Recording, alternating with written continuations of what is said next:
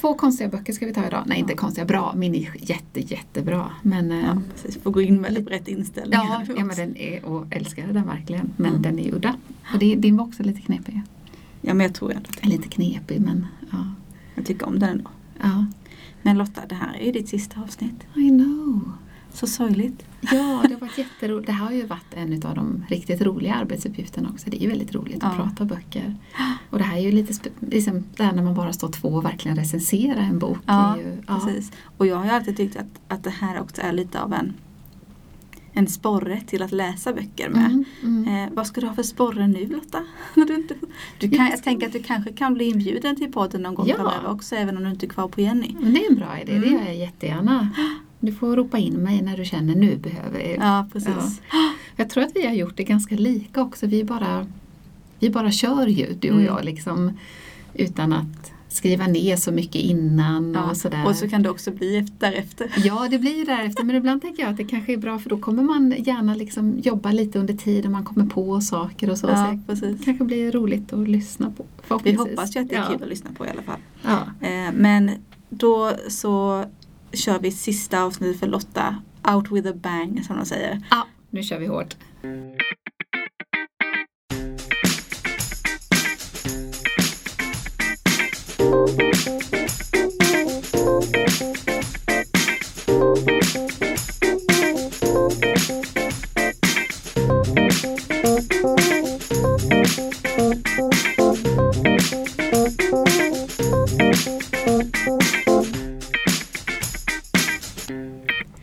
Har du med dig nu då, sista gången? Mm. Nu har jag med mig en bok som heter Meter i sekunden skriven av en dansk ung författare som heter Stine Pilgård.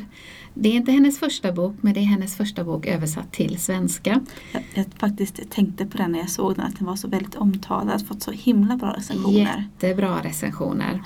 Och jag kan tänka mig att den är ännu bättre på danska om man läser på danska. Att, liksom, att översättningen här har, alltså den är ju, det är ju ingenting man tänker på när man läser boken att det är en dålig översättning men den är så specifikt dansk den här boken. Och jag, jag tror kanske att det är lite mer speciellt i Danmark där att man driver med varandra beroende på var man bor i Danmark. Att ja, väst, eh, eller på Jylland är man alltid sån och på Själland är man sån. Och, ehm, ja, Ja. Sådär. Och vi gör ju det i och för sig också, det här Småland, då är man snål och att vi har lite sådär. Men jag tror att i Danmark är det väldigt mycket sådär att man liksom driver med de olika landsändarna. Och, och det är liksom lite temat i den här boken, för det handlar om en ung tjej som flyttar med sin sambo till Västjylland, till en liten by som heter eh, Välling. Och de flyttar dit för att han är folkskolelärare och där ligger en folkhögskola på landet. Och han ska undervisa på skolan som skrivlärare. Eh, och hon hänger då med. Och man kan säga att boken har liksom egentligen inte så handling att först händer det, sen händer det och sen är det någon eh, uppgörelse och sen någon slut. Utan den, den bara, man bara följer med i deras vardag. Eh, och den är liksom fylld med frågor hela tiden men är skriven på ett väldigt humoristiskt språk så att man, man skrattar högt ibland i Okej. den. Ja, den är väldigt eh, finurlig och rolig. Men just det här att hon hon kommer till den här och så börjar hon fundera på jaha, hur, och, och då Västjylland, det vet ju inte vi kanske men nu har jag ju läst på lite här men de anses lite så här sävliga, långsamma. Så när man pratar med en någon som kommer från Västjylland så får man liksom vara beredd på att man kanske säger tre ord i en mening, sen blir det lite paus. Och sen kommer resten av meningen. Så det här ska ju hon liksom lära sig att komma in i det här samhället. Ehm, så, och man kan säga att i boken så dimper man ner på lite olika ställen. Bland annat är det på folkhögskolan och där får man liksom lite träffa rektorn och deras liv där hennes sambo är lite snygg och det är många av de här folkskoleeleverna som lite flörtar med honom. Så det är liksom en liten problematik i boken men hon är ju supercool den här huvudpersonen. Den är skriven i jag-form. Jag tror faktiskt aldrig man får reda på vad hon heter ens en gång. En annan sån här som återkommer flera gånger i, bilen, det är att, eller i boken det är att hon försöker ta körkort och har väldigt svårt för detta. Okej. Så man liksom får följa med, jag vet inte hur många, alltså hon tar tusentals lektioner. Ehm, för hon är så rädd och vill inte gasa, vill inte svänga, vill inte ticka. Vill, ja. Och jag menar, vi är ute på landet här nu. Det enda som finns tror jag är en rondell typ. Eh, en annan sån här som återkommer det är att hon faktiskt lär känna lite vänner i den här lilla byn. Så man liksom får lite av vänskapsrelationerna. Och sen så har de precis blivit föräldrar också så att en del avsnitt eller kapitel handlar om relationen till dagmamman. Men som du hör, den är lite svår att förklara vad den mm. egentligen handlar om. Men humoristisk och kärleksfull kan man nog säga för den är ändå en, ja, hennes relation till massa olika människor och väldigt dråpliga situationer på folkhögskolan, i bilen, med kompisar, eh, med dagmamman och sådär. Eh, men hon, den här rektorn då förstår ju att det är lite svårt att få folk att komma och undervisa där och ha dem med sig sambo eller fruar eller män eller sådär så gäller det att de också får jobb för då är chansen större att de stannar. Så hon tar ju reda på vad den här huvudpersonen i boken vill göra och då säger hon ja, ja, det kanske inte så många som vet men jag är lite av ett orakel. Så hon blir anställd på lokaltidningen som eh, med frågespalt helt mm. enkelt. Så i boken så varvas kapitlerna med väldigt roliga eh, frågor då som eh, läsarna har skickat in till henne och då är det liksom så här, kära frågespalt och så kommer frågan. Um, och så här hälsningar, här är till exempel en utmattade hälsningar från hårklyvarens fru. Och så svarar hon då. Så att i boken så är det hela tiden sådana här frågor och svar och hon svarar ju på ett ja, väldigt roligt sätt utifrån sig själv och mm. kommer med råd, livsvisdomar och som hon, eller erfarenheter som hon har samlat på sig. Um, den kanske inte är för alla för den är ju ändå just att den inte har sån liksom, utstakad handling Nej. i den så gör det ju kanske att den på ett sätt är lite svårläst. Men vill, har man lite läsvana och vill ha en väldigt humoristisk bok. Jag blev väldigt sugen på den. Ja, jag, jag hade ju faktiskt ett öga på den redan innan ska jag säga. Ja, jag kände till ja, den. men du ska absolut läsa den. Jag tror du kommer också verkligen uppskatta den. Ja, det får nog bli en, jag tar med mig den här direkt tror jag. Ja. ska vi gå över till din? Ja, jag har ju med mig en dystopi. Det här är inte liksom en sprillans ny men jag är väl inne i en sån period nu när jag försöker beta av böcker som jag kanske lagt till i min läslista för några år sedan och bara aldrig kommit till. Eh, och det här är första boken i en, eh, liksom, ska bli en trilogi men jag tror faktiskt inte att den tredje delen har kommit än. Men serien kallas Den söndrade jorden. Och det här är då del ett och den här heter Den femte årstiden. Och författaren är N.K. Jemisin. Eller Jemisin eller hur man uttalar namnet. Eh, och en dystopi eh, har också benämnts här på framsidan som en klimattriller. Thriller vet jag inte så jättenoga. Men det finns ju ett, ett, någonstans ett klimataspekt av det. Eh, men vi befinner oss någonstans i jag vet inte om man ska kalla det för framtid eller om det bara är en alternativ värld eller så. Men världen är så pass annorlunda att det finns bara en enda stor kontinent. Eh, och den kallas för stillheten, vilket kanske får ses som ett ironiskt namn för det är verkligen inte stilla. Utan det är en kontinent som är väldigt drabbad av jordskalv, jordbävningar och den typen av seismiska rörelser då som, som präglar livet väldigt, väldigt mycket. Eh, och här har vi då hela mänskligheten är indelad i ett väldigt tydligt kastsystem kanske man ska säga. Att det finns de som har eh, rätt påbrå, rätt bakgrund, rätt vad ska man säga, gene genetik eller så. Att man pratar mycket om utseende, att man har ett sånt utseende eller ett sånt. Och då är det olika liksom, rang eller hierarki på det. Eh, sen utanför det här kastsystemet så finns en viss typ av människa som är född med en särskild förmåga. Och de kallas för orogener. Eller lite fult ord, eh, roggor. Och orogener de har en förmåga att på något vis liksom kommunicera med jorden. Eh, de kan ta kraft ur jorden ehm, genom liksom en förmåga som de har leta sig in i jorden och ta kraft från värmen som finns där och på så vis också påverka till exempel. Så de här orogenerna de kan till exempel stilla jordskalv. Likaväl som de kan skapa dem så kan de stilla jordskalv. Så det är någonting som man har satt i system att egentligen, ett slags slaveri är det väl egentligen att man se till att samla alla orogener. Eh, Och, och man vet vilka de är. man märker det Man- för ja. rätt så tidig ålder för de har ju det här medfött så man kan märka Mm. hos små barn att de, om de blir rädda så kanske de använder den här kraften för att skydda sig och sådär. Så att man märker det och då är det föräldrar som liksom lämnar in sina barn som anger dem nästan för att man är rädda för de här orogenerna, man är rädda för deras kraft och vad de ska göra. Ehm, så att de samlas in och då finns det något som kallas för navet som ligger i den stora staden Jomenes på den här kontinenten och där så tränas de här roggorna eller orogenerna upp till att bli beskedliga medborgare om man säger så. Det ska jobba liksom lite grann i statens tjänst och då finns det väktare som ska vakta de här och se till så att de inte gör något farligt och ibland så tas de så att säga ur bruk om de är för farliga eller så. Så det är ett rätt så krasst system egentligen. Eh, och man ser liksom inte de här orogenerna som människor egentligen. Eh, så det är rätt så rasistiskt kan man väl säga kanske. Sen finns det ju vanliga människor då eh, som inte har den här kraften alls. Och de här väktarna som jobbar med att vakta orogenerna. Och så finns också en tredje slags livsform eller vad man ska säga. Och det är de kallas stenätare.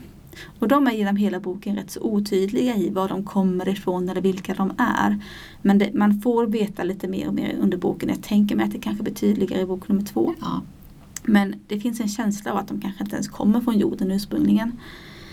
Ehm, Men allt det här är liksom någon slags ram för den här berättelsen och berättelsen är berättad från tre berättarperspektiv. Och då börjar det med Essun som är själv en orogen men hon har lyckats dölja detta för sin omvärld. Så hon är gift med en vanlig man.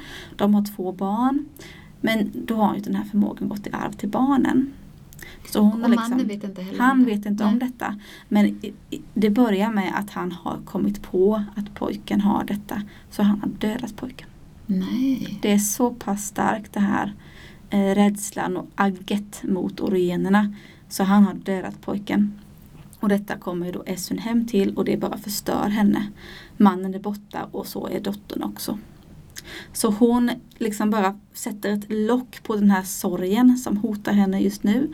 Och hennes fokus att hitta sin dotter så hon beger sig ut på en resa. För hon är rädd att pappan kanske har förstått att dottern också? Ja, eller? Att hon är i fara, dottern helt Ja. enkelt. Och hon tror kanske till och med att hon, dottern redan är död. Mm. Men hon ska ändå liksom hitta henne och hitta honom och så.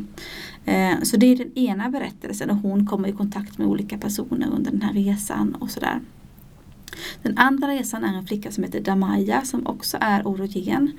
Och hon eh, har liksom blivit lite förskjuten av sin familj sen det framkom att hon Så hon får bo ute i ladan och det är kallt och sådär. Och då kommer det en väktare från navet då som ska hämta henne.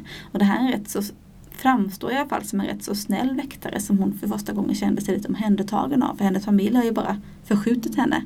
Så hon, hon, de färdas till navet och där ska hon tränas upp till att bli då en, någon som kan kontrollera sin orogenesi. För att det kräver väldigt mycket kontroll att kunna använda den då på ett visst sätt men inte impulsivt och sådär.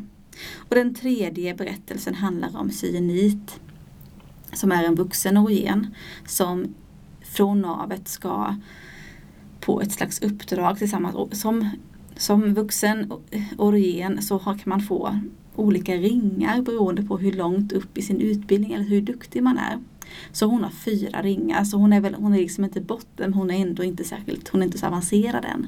Men hon blir ihoptussad med en tioringare som är det mesta man kan ha. Han är liksom eh, overkligt duktig och han har krafter som ingen kan ana riktigt. Men han är också en, en eh, rätt så olycklig själ. Hon kallar honom galen flera gånger för han är lite konstig. Hon förstår honom inte alls. Och utöver att de ska åka till en stad tillsammans, en liten hamnstad och hjälpa dem med något slags problem med berggrunden där. ehm, Så ska de också avla ett barn tillsammans. Vilket man som orogen kan få i uppdrag att göra för att man då ska skapa duktiga Och då orogener. blir det då ärvs de eh, egenskaperna? Ja, och gör de inte det så hoppar det över en generation bara. Mm. Eh, men man tänker då att om man har två duktiga orogener så kan de få ett väldigt bra barn tillsammans. Så det är verkligen avel. Ja, verkligen. Så de har inte så mycket val i detta utan hon, okej då måste, jag, då måste han och jag ligga tills vi får ett barn. Ja. Ungefär. Så det är ingen av dem som tycker om detta egentligen men de är mer eller mindre tvungna. Eh, så det är den tredje berättelsen kan man säga. Det tog ett tag för mig innan jag insåg att det är olika tidsplan också.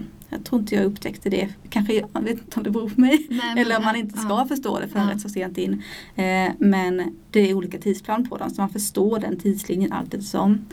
Ehm, och man förstår till exempel då att i en av de här tidslinjerna så är det här navet och den här staden Jomenes är liksom förstörd. Så då förstår man att ja, men det är liksom någonstans i framtiden då jämfört med de andra berättelsen, berättelserna. Ehm, jag tycker att den är rätt spännande. Det är rätt så mycket det här och det kanske man förstår på hur, när jag berättar också att det är rätt så mycket att hålla reda på och sätta sig in i i början. Men de här tre historierna, vävs de på något sätt ihop? Ja, det finns en koppling? Det finns en koppling. Eh, och jag började nog förutsäga den ungefär i mitten. Ja. Ja. Eh, men det vill jag inte uttala mig om. Nej, nej. det kanske man kanske en smartare person verkar mycket tidigare. Eh, men det finns en koppling. Eh, och jag tycker att den är, liksom, den är duktigt berättad och, och jag kan verkligen bli imponerad av det här att bygga upp liksom en helt annan världsordning med alla regler och alla, alltså allt möjligt sånt. Det är ju verkligen mycket jobb tänker jag bakom att bara tänka ut allt sånt här. Samtidigt som man ju ändå ser att det här är ju inte o, vad ska man säga, eh, det är inte främmande saker i sig. Mycket av det här är ju sånt som vi har bakom oss eh, egentligen.